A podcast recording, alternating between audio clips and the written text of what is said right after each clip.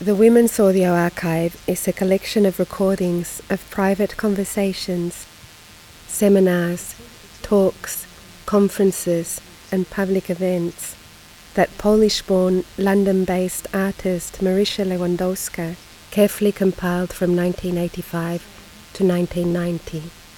Over 200 hours of audio that began as a fictitious archive that provided an interface and a cover for approaching key female figures in the arts and talking to them at length. The ideas and concerns of the second wave of feminism run through these mostly informal recordings, underpinned by Marysia's intuition and her desire to write that history with them and to find herself in the present. In 2009, Lewandowska was invited by Maria Lind director of the Center for Curatorial Studies at the time, to digitize the material and work with the collection in an effort to make it available online and turn this private collection into an online public archive under a Creative Commons license. The process includes documenting the negotiations involved in bringing about this change of status 20 years later. Sonia talks to Marysia Lewandowska about the Women's Audio Archive, about the crucial need to generate counter narratives in totalitarian regimes, about the boundaries between the private and the public, the negotiations generated by the shift from one sphere to another, the responsibilities of the archive, and the potential to generate conversation through art.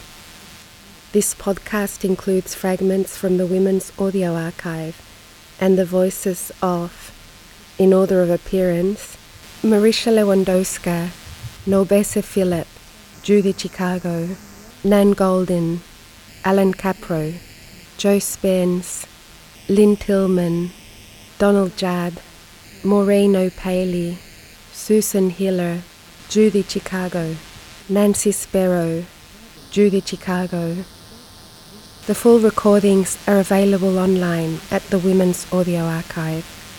One, two.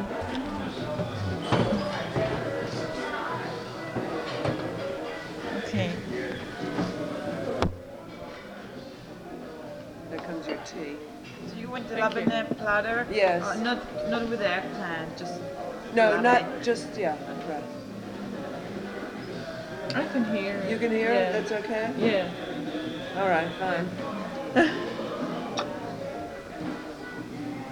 what is this project that you're doing? Oh, I know what I should do. I think I'll change the battery. It's running low. So. This is a good moment to try and reflect on what I've been doing for now quite a long time. And I would say that probably the good place to start is establishing the Women's Audio Archive. I think most, if not all writers feel it. You know, it's like you want to. You know that there is a perfect way to express what you want to express. And I think, in a way, fortunately, you never do achieve it. You know, it's like. so, so there's that aspect to it. Um, but I think for me, as a black woman in the New World, an African woman, descendants of peoples who were brought here, whose languages were stripped away, I would feel sometimes that I could actually feel the loss of that original tongue. Like actually feel the pain, what it, what it must have been like not to be able to exist in that tongue. So I began writing this poem um, about just this. English is a mother tongue. No, it's not a mother tongue, it's a father tongue. It was imposed and so on and so forth. So what I did with this, what eventually resulted from this, from this, from these feelings, thoughts, uh, ideas was the way I set up the poem on the page. No, it, I should I should back up a bit because what it also had to do with, as I was working on this particular poem, I was also questioning all the canon around literature and, and poetry. you know, the margin, the nice white Yeah. page, the, pa- the poem must be in the center of the page. Um, the thrust to be objective, you know, the poem should be objective. You shouldn't, it shouldn't be, even though it may be fueled by emotion, there shouldn't be too much emotion in it and, and that sort of thing. And I felt that that whole canon was also part of the colonization. Yes? So, so along with the issue of mother tongue and father tongue and not having a language, as a woman, as an African woman here, um, there was this thing about about the about the page and, and what I was supposed to do. So I set out to subvert all that. And the way it it resulted was that I have a center. I should bring it and show you, but let me tell you first. Um, in the center of the page, there's a there's the poem running down about um, the questions. It's almost a very logical kind of questioning. English is not a mother tongue, therefore it must be a father tongue, and so on. That goes down the center of the page, obeying the the canon. Then along the, the margin, the left margin, um, I ran a story in prose about a mother who had just given birth to a daughter. And she is licking the daughter, the baby, clean with her tongue. Licking, you know, there's a creamy substance. She licks it off.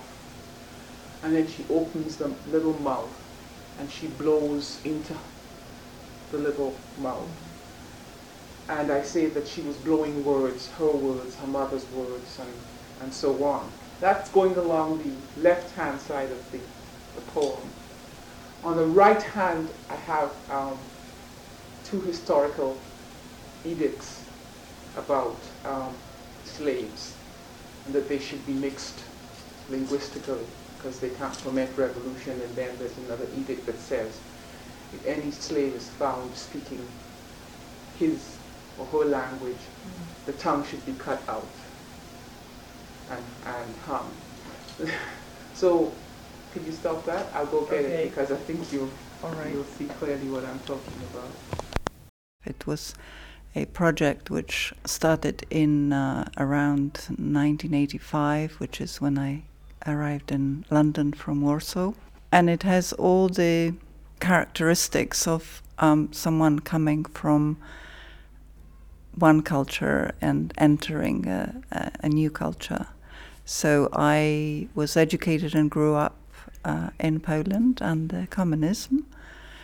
And uh, in fact left already in around 1982, uh, first to arrive in London. And it was um, quite a challenge to try and see how to work as an artist in this new set of circumstances which I was encountering. So I think the idea of not really producing anything or not really thinking of approaching existing institutions, galleries, or uh, even curators, but setting up a, a mode of working which would allow me to, in a way, to be in control of what I was doing, but also trying to understand the culture around me and people who were um, at the time contributing to that culture. like m- my desire for for talking uh, is because the culture where I come from is an extremely expressive culture in this way of you know being together and talking and spending like night over night over vodka and just So are Jews. which is what talking right Mm. and so like for me to now live in London which is a very repressed Yeah. culture is is a real you know well it's just Must drive you crazy. it's painful and it, it puts me but you see it puts me in a position of conflict all the time which sometimes I think it's maybe not too bad because it doesn't allow me to be absorbed So Or do you think it would be absorbed? well, There is the one good thing about America is the the range of other cultures, which Mhm. of course is not true in England. They don't incorporate integrate other cultures at all. but I You're think English, either English or you're other, and in Mm. America there's right. not. Well, New York is not America. yeah, it's very European. Yeah. it's very Uh, It's very international, whatever it is. But it still has that lack of culture, lack of history. But I think, you know, I mean, what attracts me to some extent here is this, this sort of state of innocence. well, you know, there's no history. There's no. It's like we were born yesterday. But I, I think that that also allows for maybe, well, I would probably like to believe that, that, that, that eradicates this kind of repressive state of that you have to form a relationship with history. Because here you don't have to. You don't have a history though, and history has been totally rewritten. Well, but I Even mean, more that's what than attracts you me. know, supposedly communist countries. I mean, America is constantly. I grew up, you know, in the traditional public school system in suburban towns until I was 13, and you know, we were brought up. Although I grew up in a very liberal family, so you know, my I had relatives who were, you know, extremely political, active communists who were called into the House of Un-American. They was friends with Rosenberg, that whole thing. So Mhm. I had that playing against what I was learning in school, fortunately. But you know, in communist countries, as we were taught in junior high school, I mean, in elementary school, you know, or when you're really young, you know, history is rewritten and there is no real information given, and the media is controlled. But whereas, in fact, nowhere is it done more effectively than here. Nowhere. Hmm But it's, you see, It's, here I it's think probably America and Russia are seamless. probably the same, very similar actually, probably more Yeah, similar but- than any place else in the world. But I think here it's like the, What does the- seamless mean? I've never understood that word. seamless. Yeah. Well, it seems to me what. You don't see the, Yeah, the you don't parameters. see how it is done. yeah. so It's then so you take you incorporated. take it for truth. Right, but that's why it's so dangerous. Yeah.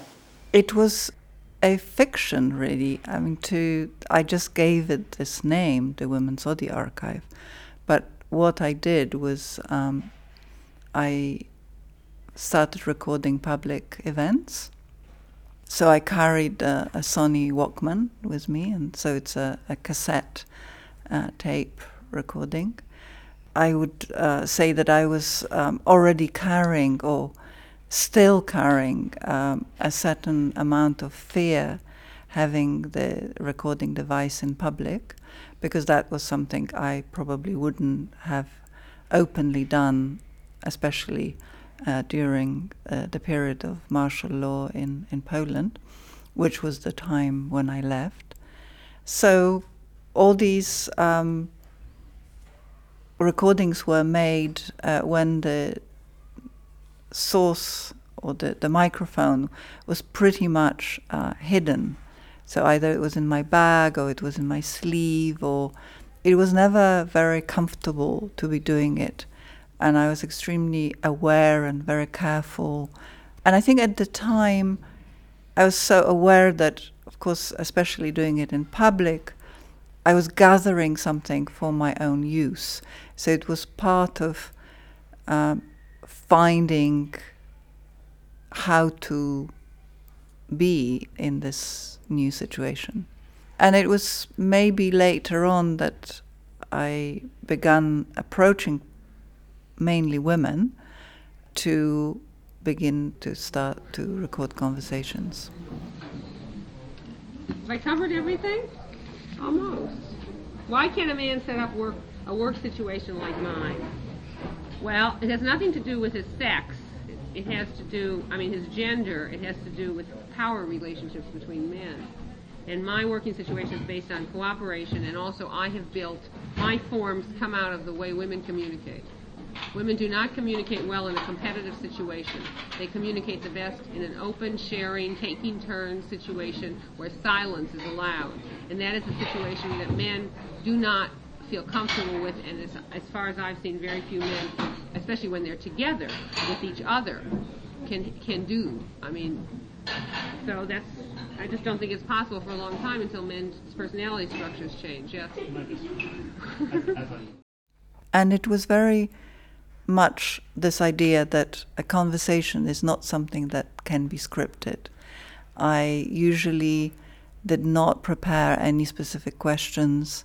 I just met all kinds of practitioners, women who were gallerists. Of course, because I was an artist, I was meeting certain kind of people. Uh, women who were artists, um, women who were writers, and just would begin a conversation about anything and everything, and often ended up talking about very personal things, and um, yeah, having or approaching it as though I was really well, I, I was meeting these people for the first time, and very often for the last time as well.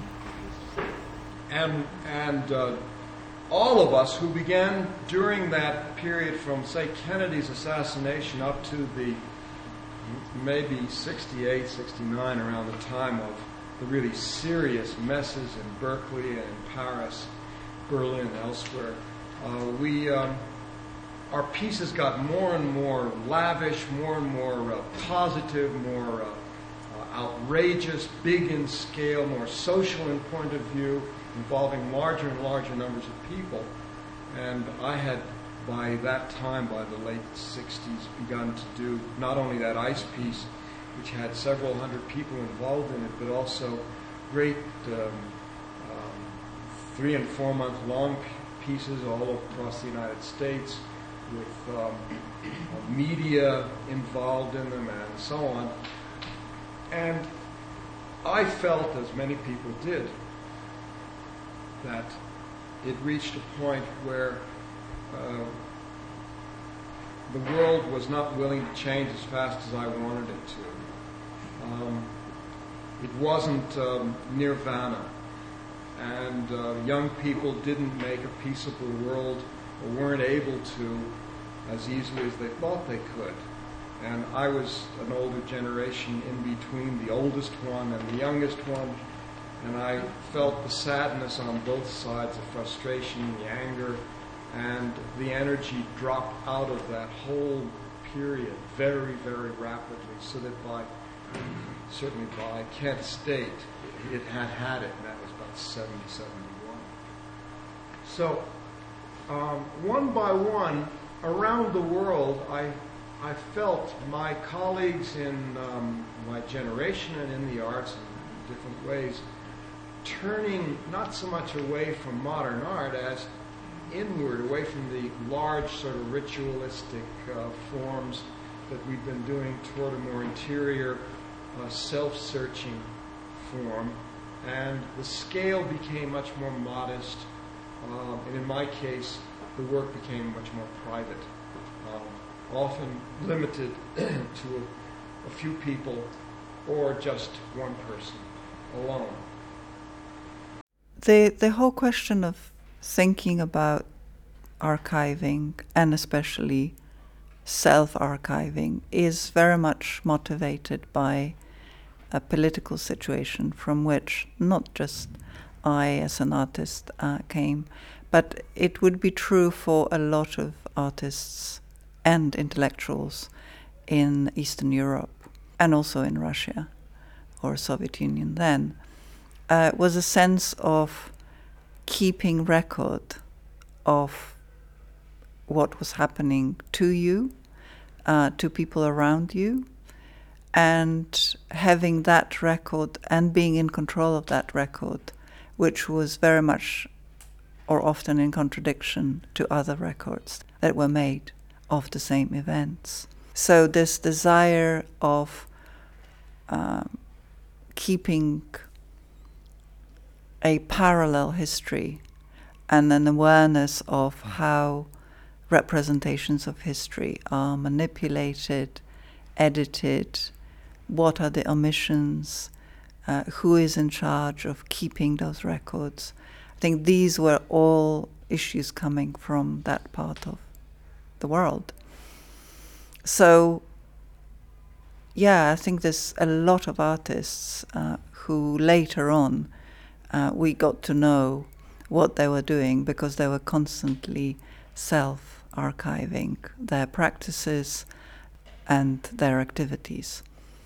And I should probably mention the best known uh, collaborative practice, uh, Zofia Kulik and Przemysław Kwiek, who were artists a little bit older than me in Warsaw, who I was very much aware of as I was um, attending the same events as they were. And they were always archiving everything and not just in uh, audio recordings, but in, I guess, early video and writing and diagrams and drawing. So there were all these different modes of kind of transcription. That's a very, very crucial moment for me, which I guess I keep on exploring, is um, this whole question of representation. And it almost doesn't matter then what system you are part of, or that system will always have modes of representations that will be alien to you, not necessarily accurate, and not necessarily uh, speaking in the voice that belongs to you. Um, in other words, I had to pass myself off. There was there's been a masquerade going on, to use that term. Um, it's al- it's also meant that I've been able to cross between groups very easily all the time, but never belong to either of them anymore. Coming from a working class background and becoming middle class is what I'm talking about. And so I have um, my subjectivity, if you like, is split, very split up between my early life and my later life and there was a, very long bridge in between them as well. And my political beliefs have changed several times, and um, so that I feel I feel there's a disjuncture in me between how I live and how I think, and my memories and my history. That's what I'm talking about, and what action I want to take, or what action I think is useful, or what political group I belong to or align myself to. And it's only when I started to be in therapy that that this became very clear to me because after five years in therapy, it seemed to me I still wasn't able to really talk about class with any safety. The same as I then realised I hadn't been able to talk about it with any safety in lots of other places, most particularly within higher education, unless I happened to be somewhere where there were a lot of Marxists. And then, I mean, it's like there's a common language and we could talk. But within the developing discourses of photographic theory, I haven't seen um, a thread that um, emerged strongly enough that I felt safe to speak within. So therefore I've continually carried on my erratic course of working in the ways I do and every so often put my head over the parapet and have a go at somebody or something, some unseen target, which is really in psychoanalytic terms what I call the return of the repressed because it will not go away. Class cannot go away if that is what you are um, if that's your history, if your history is one of class conflict, there's no way it can go away. So, um, in the last, I'd say three years, in my own work around phototherapy and self-portraiture, class has begun to be foregrounded much more. And therefore, I've been able to have a language to talk with, uh, a, a verbal language, but I don't have a visual language yet because I don't I'm still playing about and disrupting the codes of photography. No, there can't be any new language about class. So, for instance, when I work on my mother as a working class woman, I'm stuck with a whole range of stereotypes of how to speak about her visually, which I then need to disrupt by putting other images with them, or by transforming them in a session from one thing to another to show that nothing is static. And the materials that i have produced, I rephotograph because I'm not using them. This is part of a process of understanding my own subjectivity. I'm not doing this work with a view to showing it in galleries because I don't see where the space is to speak really. So I use it sometimes when I'm writing and I use it all the time when I'm lecturing. So some of the work has now gone on slide and that's the only life it has actually on slide. But as I'm an educational photographer, self-styled, everything I do that goes into the public domain for me has a function that's going to be useful. Th- that I ha- there's no other reason for me to let a piece of work out other than that I think it's useful. This idea of developing a voice, uh, which is both a metaphor for kind of any artist to, to develop a practice and to secure any visibility of that voice. It's um, something that I was extremely aware of coming to, to London. These recordings, I think, allowed me to meet people, to be part of a community, and one thing that you know can be said about, at least at that time, of um, the culture in London or maybe more generally of English culture is that it's extremely important who you went to school with. That is uh, a way of kind of organizing your professional life. Well, I didn't go to school with anyone, so I was um, finding ways of, I guess, forming alliances and also looking for kind of intellectual partners. But I was made aware very, very early that there was resistance to that kind of intellectual approach, uh, which was extremely familiar to me coming from, from Poland, and which was not exactly how culture functioned in, in England. Oh, I know what I should do. I think I'll change the battery. I'm talking about visual arts, I suppose that uh, more. I think theatre, um, writing were more warm towards intellectuals. And I think visual arts in England, and maybe even if you look at conceptual art in England, it really has not had such a big appeal, certainly not in the in the mid 1980s. But I think, you know, things have changed. What might have helped was a recession that came at uh, in kind of early 90s. So then I think conversation and meeting people and self-organizing was very important. And I suppose there is some kind of um, seed of this idea of self organizing, even making the archive um, as something that was both related to the self but collected other selves.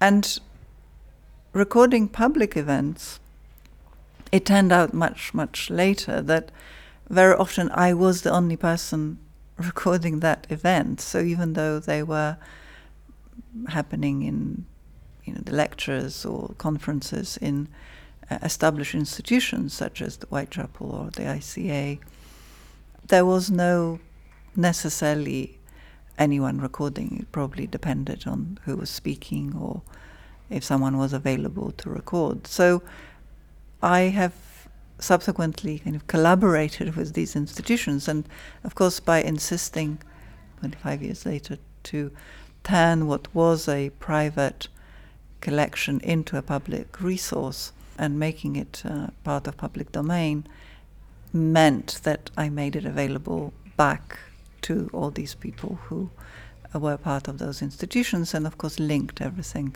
now that it's uh, a standard practice. One, two.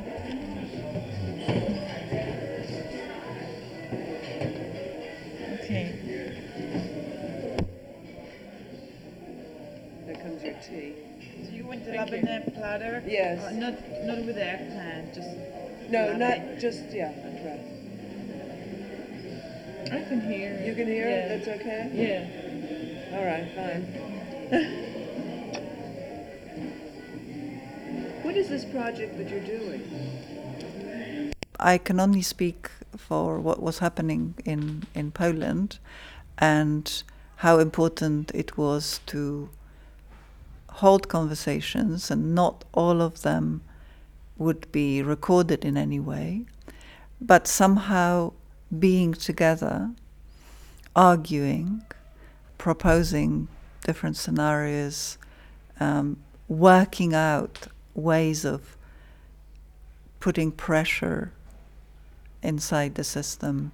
A lot of what you know in art practice are conceptual art strategies, where I think part of a part of a kind of a wider sense of how to not just propose a kind of counterposition, but really how to survive. And there were clubs, all kinds of clubs. There were uh, discussion clubs related to film. Uh, film, as you probably know, was extremely important in Poland. And uh, films produced uh, professionally to a very high standard.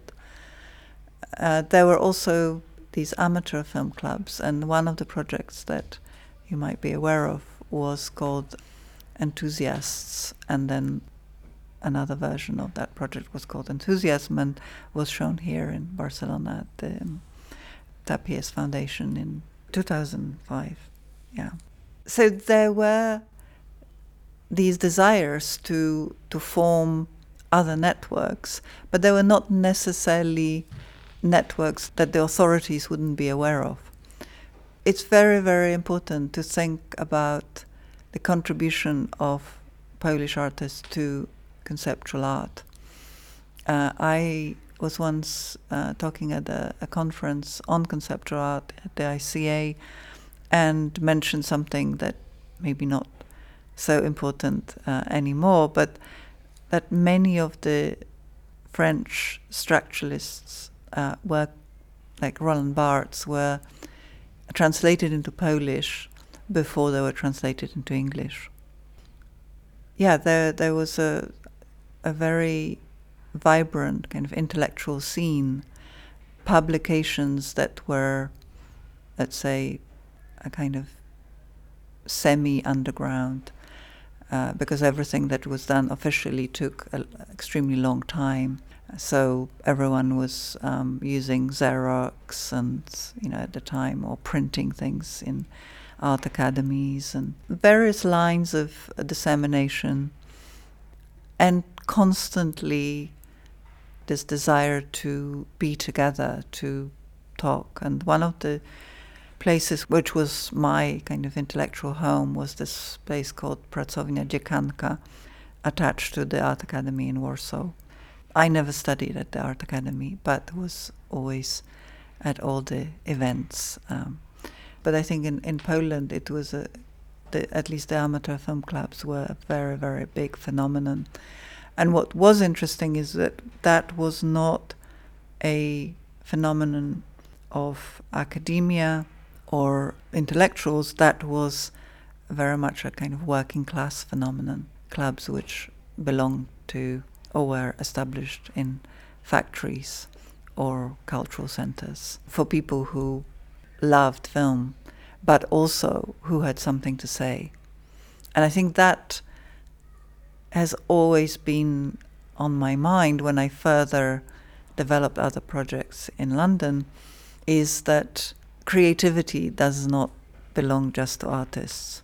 So there is a lot of knowledge in um, situations which hardly ever get acknowledged. So I was always interested in finding what I would call this unacknowledged knowledge and connect with people who possess that knowledge. One has very little time to spend with people in the way that when you were a kid. I mean, this is one of the losses that you have as you grow up. You know, the way in which you make friendships earlier on in your life become, it's, you, you make friends differently later on. And it's, it's, it's based you know, as you get older, you're articulating your desires or your interests in a way that you weren't earlier on. And so there's an already received kind of set of people that you'll come into contact with. And so you and I talk to each other in a certain way, with certain assumptions that we make about who we are or where our politics are and so on. And uh, that we kind of meet in a sort of Venn diagram in a sort of circle. It's almost as though this meeting is, is like set up for us by the kinds of involvements that we already have right. without personally meeting. That's right. So the that's what I find quite often is that, which I think it is very um, uplifting for me to to find women in all those different you know environments who are concerned with you know quite similar things, and then to be able to it's, it's kind of reassuring that that network doesn't necessarily have to be personal, you know, personally based, but it is a network that is based in ideas and, Yes. and the ways of working and, and the ways of dismantling, you know, the the kind of structures that, that we feel are not comfortable for us. Trying and- to, yeah. trying to, Yeah. trying to, and we're Yeah. again, you know, something that through my work with archives has become very clear to me that, you know, the archive itself, no matter whether it's a a private archive or a public archive, is really a result of contributions by many different people. But what happens with archives is that then they're enclosed. So the people who produce those archives very often don't have access to them themselves. And I think that's why, you know, I very much insisted that even though in the mid 80s I was doing something to find myself within the culture, it was such a, I guess, valuable resource or has become a valuable resource. It was Maria Lind who recognized the potential of this project and encouraged me and invited me to uh, work on it as a, something that could be a, a public resource, which is very, very different. I mean, both because, you know, I've already, this was, you know, 25 years later, um, the status of people who I have had conversations with has changed. The way the art functions has changed. Many of these people were no longer with us, so the rights to their voices were passed on to their families or foundations. So, yeah, it's like a picture of the culture in which we live is um, that you have to negotiate. And that was something that always interested me in every project that you see uh, that I've been involved with. The most important part is research, and research really means negotiation. It's negotiation through existing knowledge, it's negotiation what's possible, how to transform that knowledge, how to make it relevant, how to make it speak, how to disclose something that has not been disclosed. Yeah, all these things requ- require negotiation. Yeah. Yes, I'm interested in the idea of permanence and forever and ever that you speak of. Stonehenge is an example of something that we see that is pretty well forever. What about the erosion and the erosive effect of time on your work when your images have to be very pristine? What do you feel about the erosion that occur naturally? Well, we're not sure. We intended to make the concrete pieces last. Uh, the weather's very hard on them, so that's a serious problem.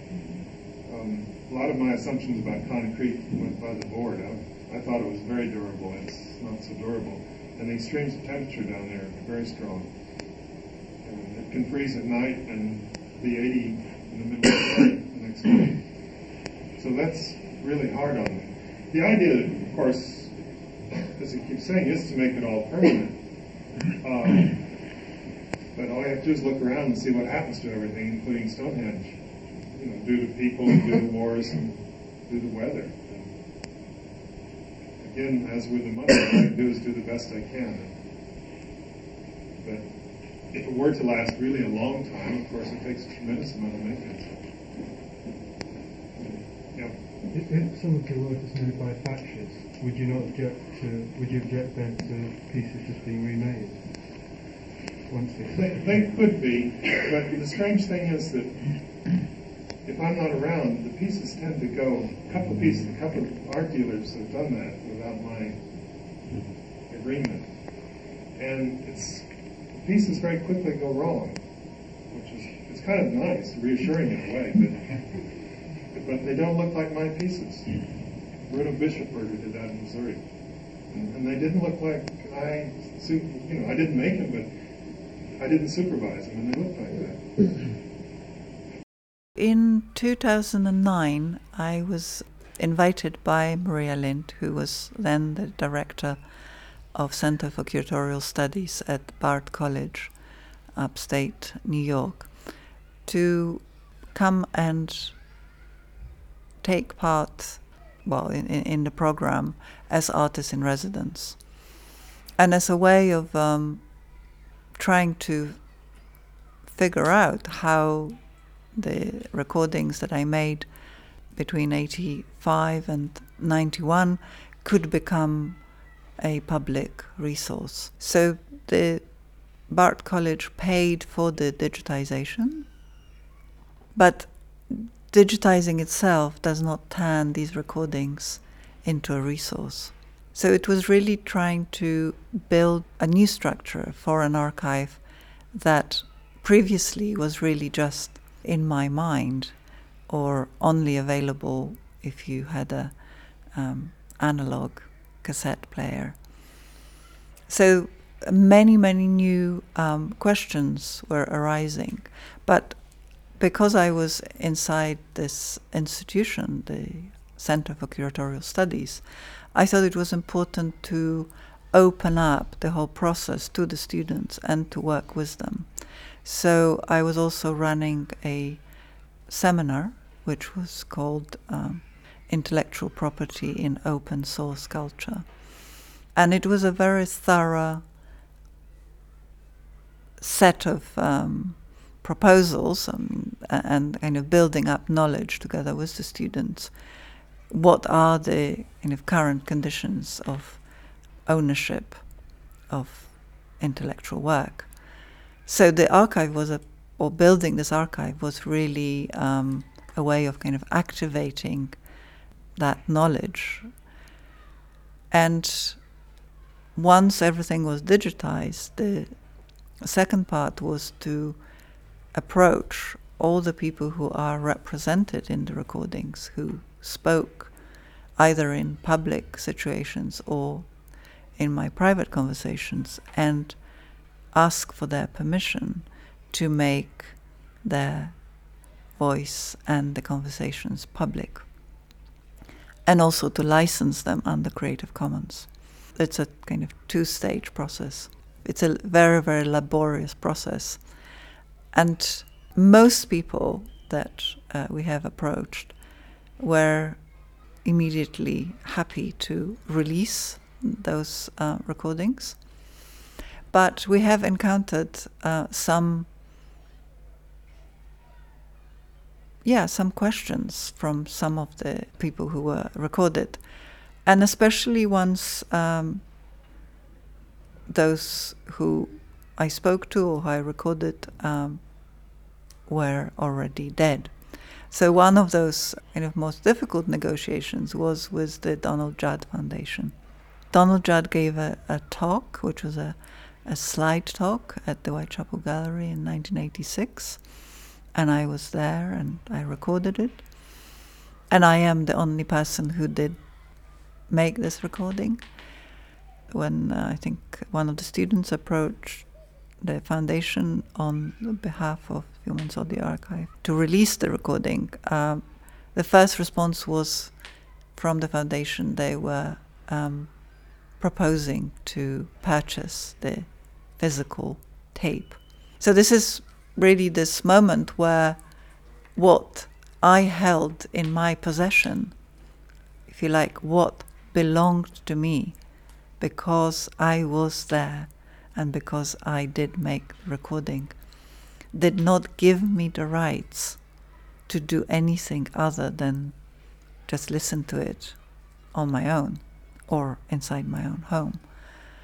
This moment of release is extremely contentious and it's a it's a picture of our culture. It's a picture of a culture that will want to use this kind of property, the immaterial property, as a terrain of um, enclosure and would want to exercise rights over its uses. Well, you know, I took um, this kind of challenge up to try and argue for releasing the voice of Donald Judd. And it took uh, many exchanges on email. And that's what's uh, now kind of, I guess there's a trace of it. Um, because I thought it was important for people who might attempt similar things to also see how important it is to release things straight away because otherwise it takes so much time to have these negotiations. And if you think that each of the recordings would require that amount of time, there would probably be not enough life in me to, to complete it. That's it.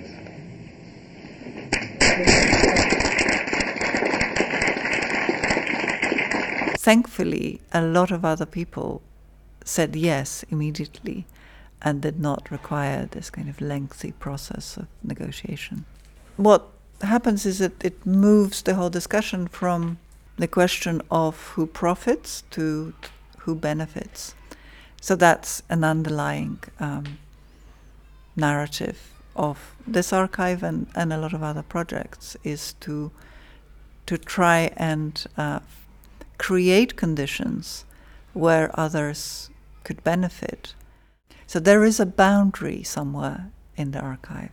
Now, who controls that boundary? That's a separate question.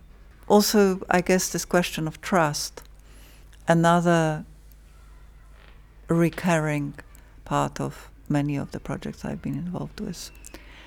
Just like I said about digitizing a voice, or digitizing films, or digitizing photographs, in itself is a gesture which is important because it means that there is a potential to turn it into a resource. So there's, I think, this distinction between building a resource and imposing certain conditions. Interestingly, in the Women's Audio Archive, when I approached um, some of the women I had conversations with, especially the private conversations, some of them would say, I am not ready. So that's also something to be respected. And I know how you know, people who sometimes see photographs of themselves distributed online feel robbed of something because they never wanted, they were not ready, they were unaware, and so on. So I think, again, this negotiation when something should be released, can be released, can be discussed, is a, also a crucial moment of, of this distinction between like a ubiquitous presence and an archive. Right. Seems to be all right. I think what was significant is that I did want to meet other women. And one of very memorable conversations, which is not yet released.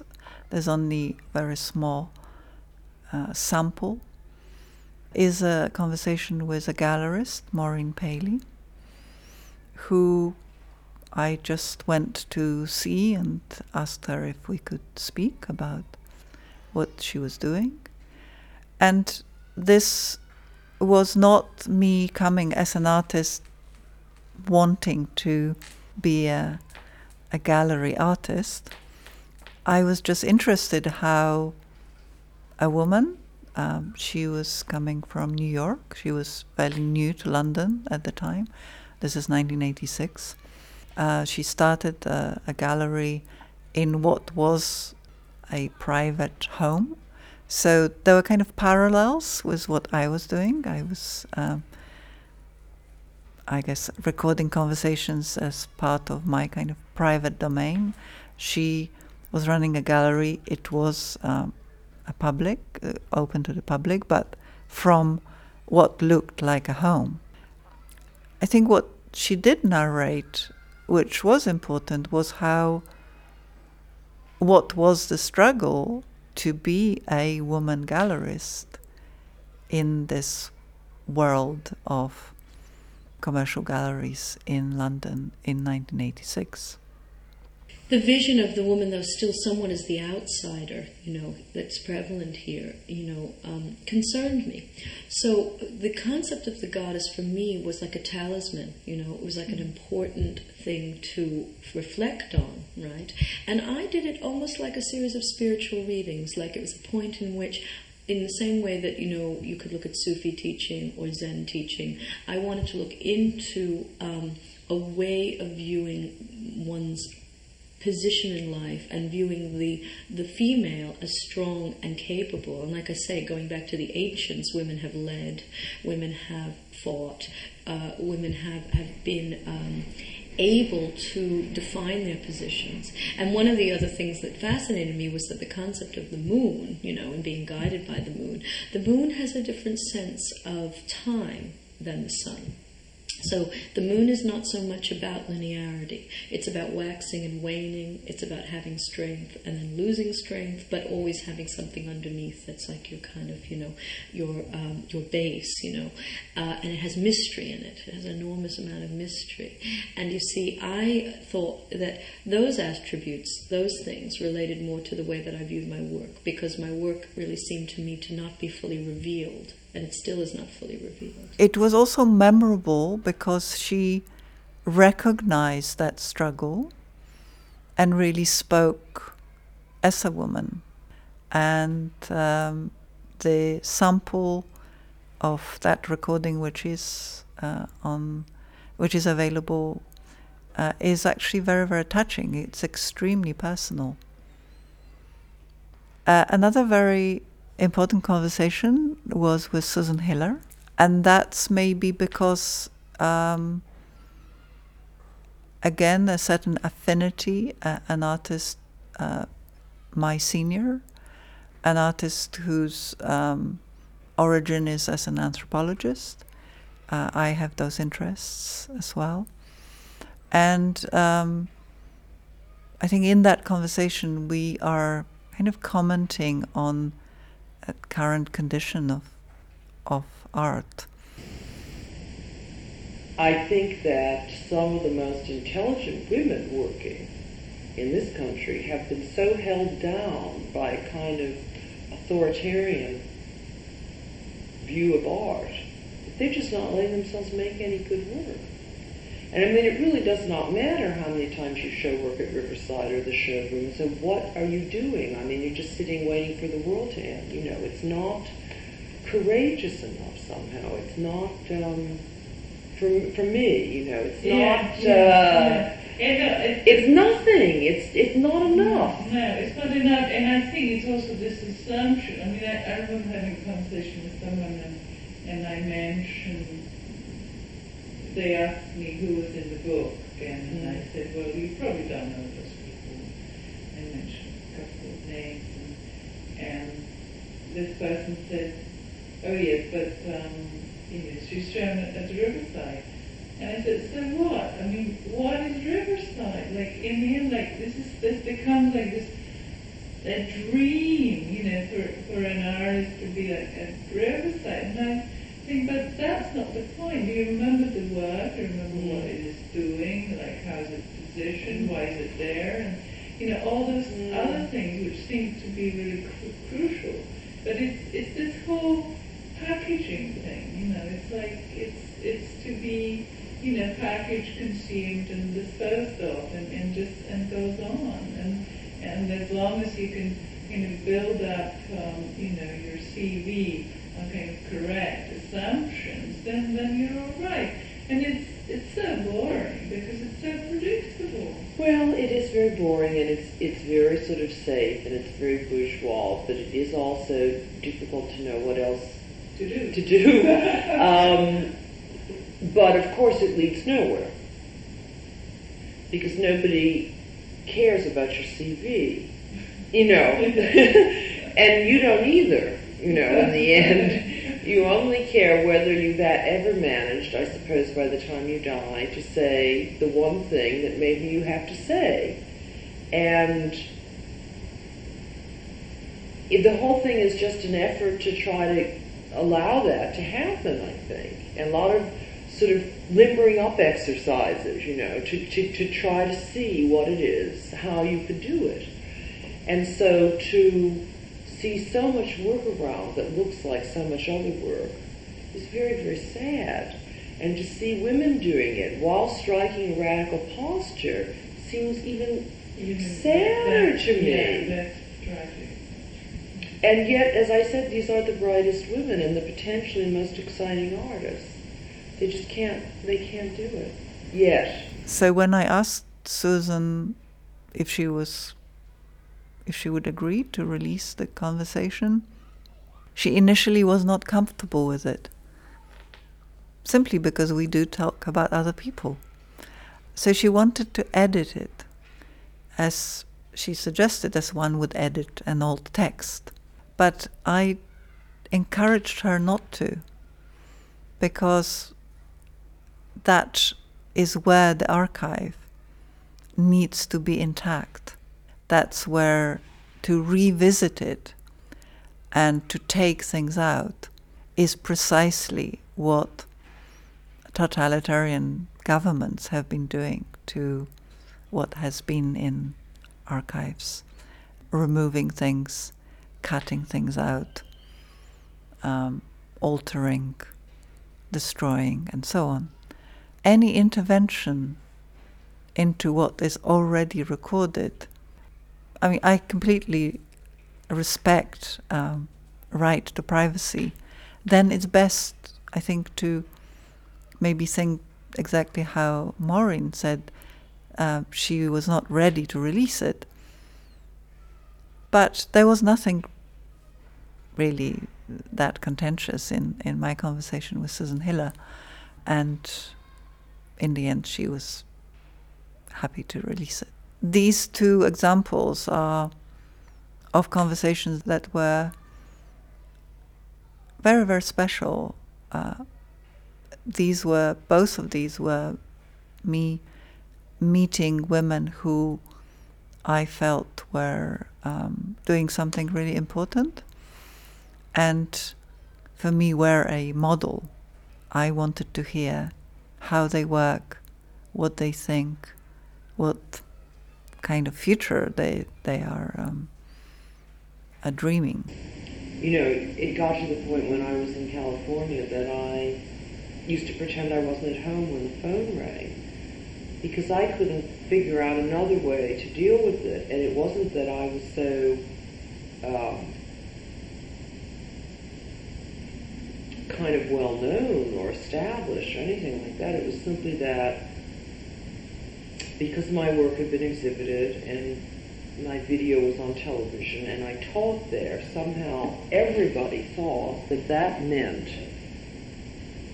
that I it would somehow be interesting or helpful or something if I would do something with or for them. Do, do you know what I Yeah. mean? So that I had, Yeah. I, I really couldn't find a graceful way to manage it all. That I was invited to lots and lots and lots of different groups of women artists, for instance, and I just couldn't do it any after a while because there were just so many. It's such a big place. And they all wanted to show me their work. Which in one sense is absolutely fair because I believe in reciprocity. Why should they have images of my work in their mind if I don't have images of theirs? I totally agree with this. You know, I believe in reciprocity. But in reality, uh, as a, as a soul, as one person, I could not, I just couldn't absorb that much. So I think America is it's kind of difficult. You know, once you've stepped outside the door of your house, you're just available to everybody. You know, it's that sort of country. So a sense of duty, I don't know, but I could see that if you were talking to people who probably would have loved to talk to you, if, you know, at a, a party or over dinner or something, and you arrived with your tape recorder, if they suddenly slot into this kind of routine, Yeah, you know. Yeah, I think. But I think it's all about choices, and I don't think that I can, you know, like totally uh, sympathize and say, well, it's really tough because you know you're so well known, so brilliant. Oh, I don't. wants you. I don't think it's that. I I think think- everybody wants, everybody in America is a consumer, and when you offer a cultural product, you're there to be consumed in a certain way. Yeah. I think I really needed to give this activity, I wouldn't even say it was a project, it was an activity that I committed myself to. I needed to give it a name just for myself.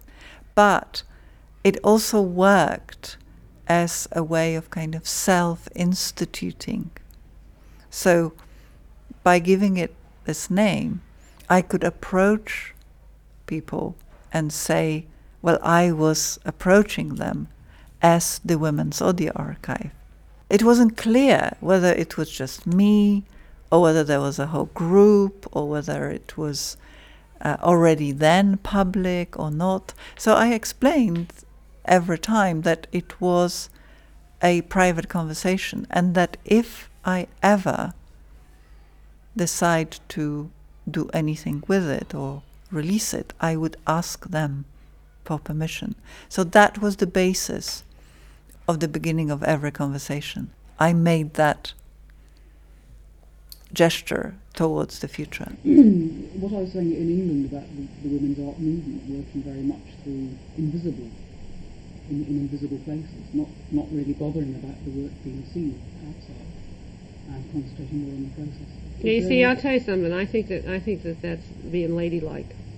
I think people don't want to look at it like that, but I think it's being ladylike. As long as what you do isn't noticed, you're not violating any of the basic canons of what a woman's supposed to do. It's when you come out into the public and you force a contra- confrontation with the society and you say, "Look at me, pay attention to me. What I'm doing is important." Then you get it. Hmm. Well, yes. So I- yeah. You know, and I know there's a lot of anyway. Calling it a women's audio archive secured something. Many of these women were already, you know, there were feminists. I mean, this is 1980s. This is like the the, the very active time for feminism.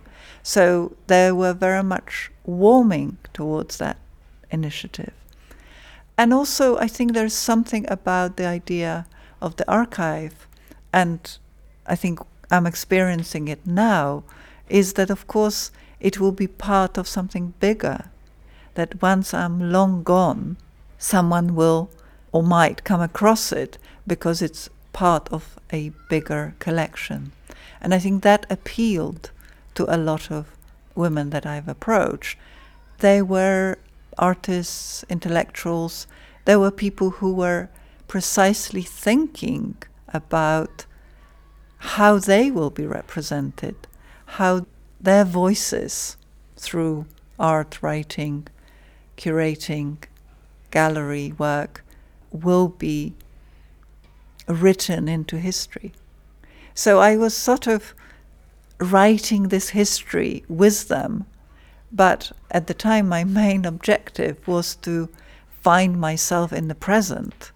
I mean, of course, an amazing person was someone like Nancy Spero, I went to visit her twice. Once it was in her studio, and once we met in a cafe. For instance, they made a statement that I see. I portray in the past. I've portrayed um, women, people, mostly women, as kind of like psychically vulnerable.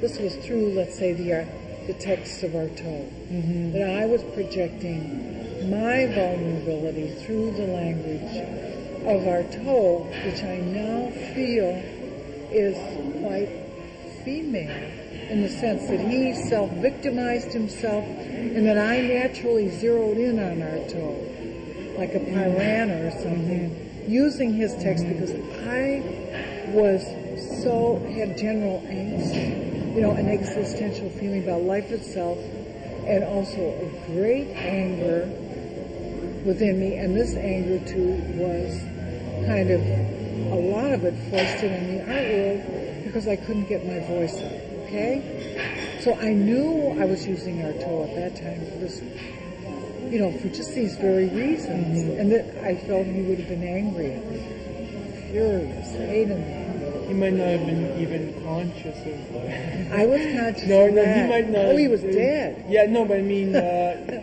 alive. It might have been almost like. I wrote uh, a piece about that to him. Yeah. Then, uh, see, so now, just recently, this is the last few months, I figured out that the self-victimization of Artaud is feminine, that he screams, and then on the contrary, his hysteria. Beautiful that that that radio um, show did. There's nothing. Unbelievably compelling. There, there is no uh, performance that can equal that. I don't No, think. not at all. But I still think it's a feminization, in a sense. It's Uh, because it's not a performance that's so powerful. Well, yeah, It's not like right. a rehearsed sort of. It's not this the feeling that Yeah, I'm performing, and after I do this piece, I'll, I'm going to do a different piece. It's it's almost like a. Right, right. So they accuse me though, and what I've done in the latter works, I've shown the celebratory, but I've also shown women as victims. What I'm doing is just using female characters, really. So what I do then, because I just use female characters, is I have shown victims. And as soon as I'm finished, I think we should both, we should look at our, the artwork. but how, do you have But anyhow, about the victims, so they criticize me for that women are always depicted as victims. And so why did I depict them as victims? Actually, women are victims of our. Men are victims. Of course they are. But look at all the women. I just have a clipping about um, Pakistan and these Afghani refugees and how it, they're mostly women. And it is the women who are victimized mostly. The men are victimized. But it's the women who are mostly totally unhappy in this extremist right-wing Muslim environment. And this can be in all refugee camps. Mm. all who are in refugee camps, not the young men, the very old men, the old people, and the women and the children. That's my only defense of that kind of. Yeah. But there are many other things that are interesting that I have to go over. And I agree with you. But I think we should look at artwork. Do artwork. because I have this Yeah. five o'clock thing and Sure. It's- Should we have a cigarette? Yeah, that's a good one. Shouldn't do it. a incredible energy, openness, generosity. I think one gets really infected by these this sort of positive response. You know, I w- I didn't have to approach a gallerist or it was I think someone just gave me a a phone number. You know, this is also before email.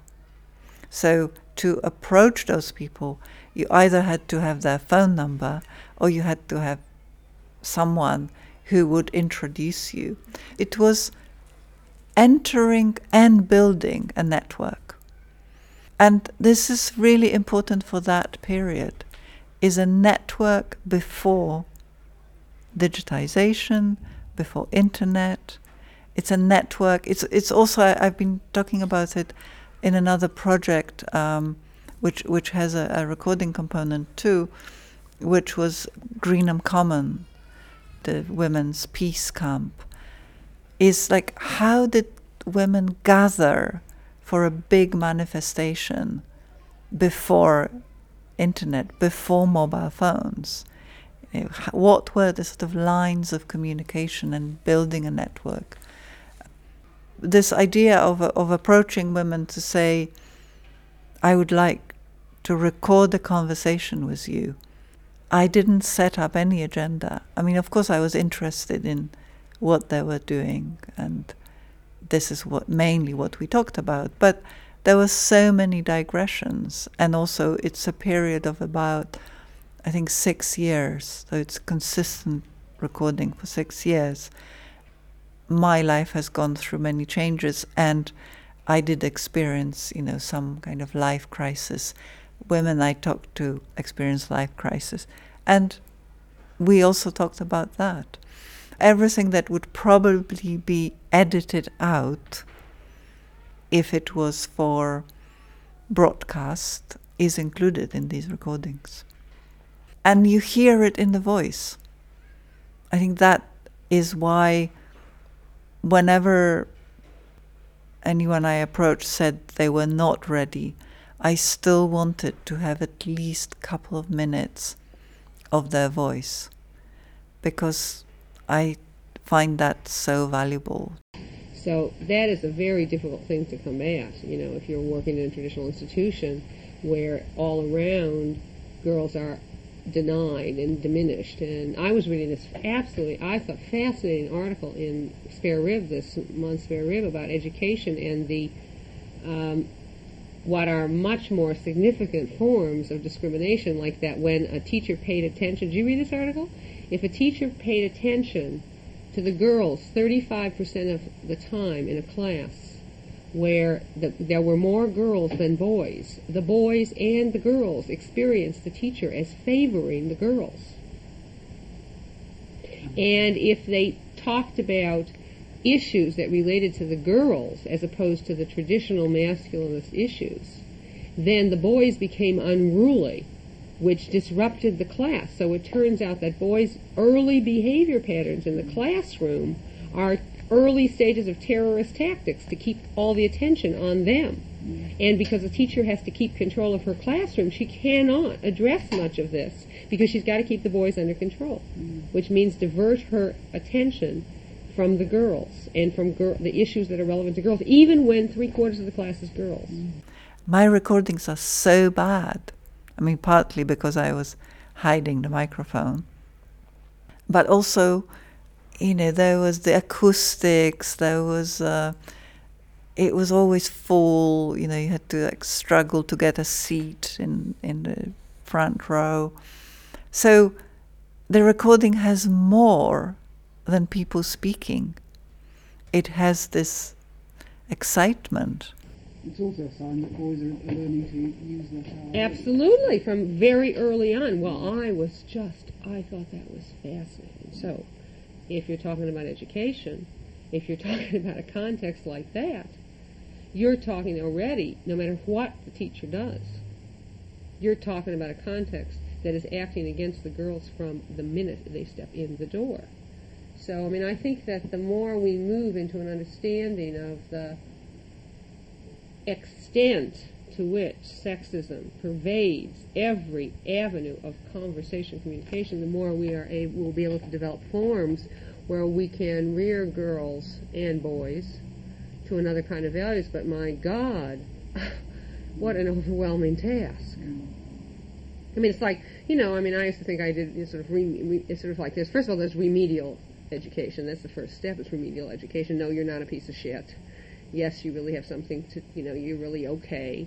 Ego, e- ego restructuring, and then information. You know, the, yes, there have been women who've done things in the past. No, it's not just men who are important. I mean, it's a re. By the time you get to college age girls, you're talking about a total re-education process, mm. which has to be done with away from from male domination. I do feel there is that kind of ability and that power of an artwork to start a conversation. With just as a singular person, but also to then instigate a conversation between people and take it far beyond that moment of visiting the museum. And that's how the museum gets distributed.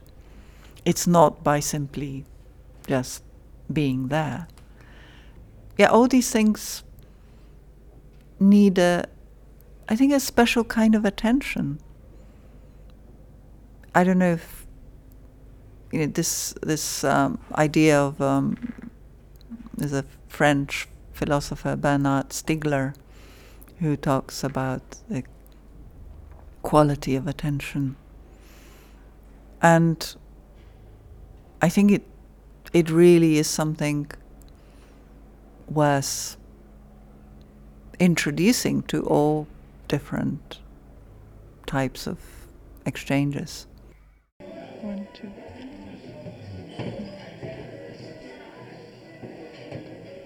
Okay. So if you think of um, a larger arena of how I have been practicing, which was your original question, is really testing various boundaries that run, you know, between art, activism, politics, uh, and the museum is kind of at the center of it in, in many of those projects. And the museum is in the center of it because it is this enduring institution which is an institution um, that is capable of manufacturing value. This is how we think of culture is through the museum. Whether we've ever been to any museum or not, everything that is around us is in fact haunted by the museum itself. Only because I was a painting major and I got hassled in painting, like I talked about.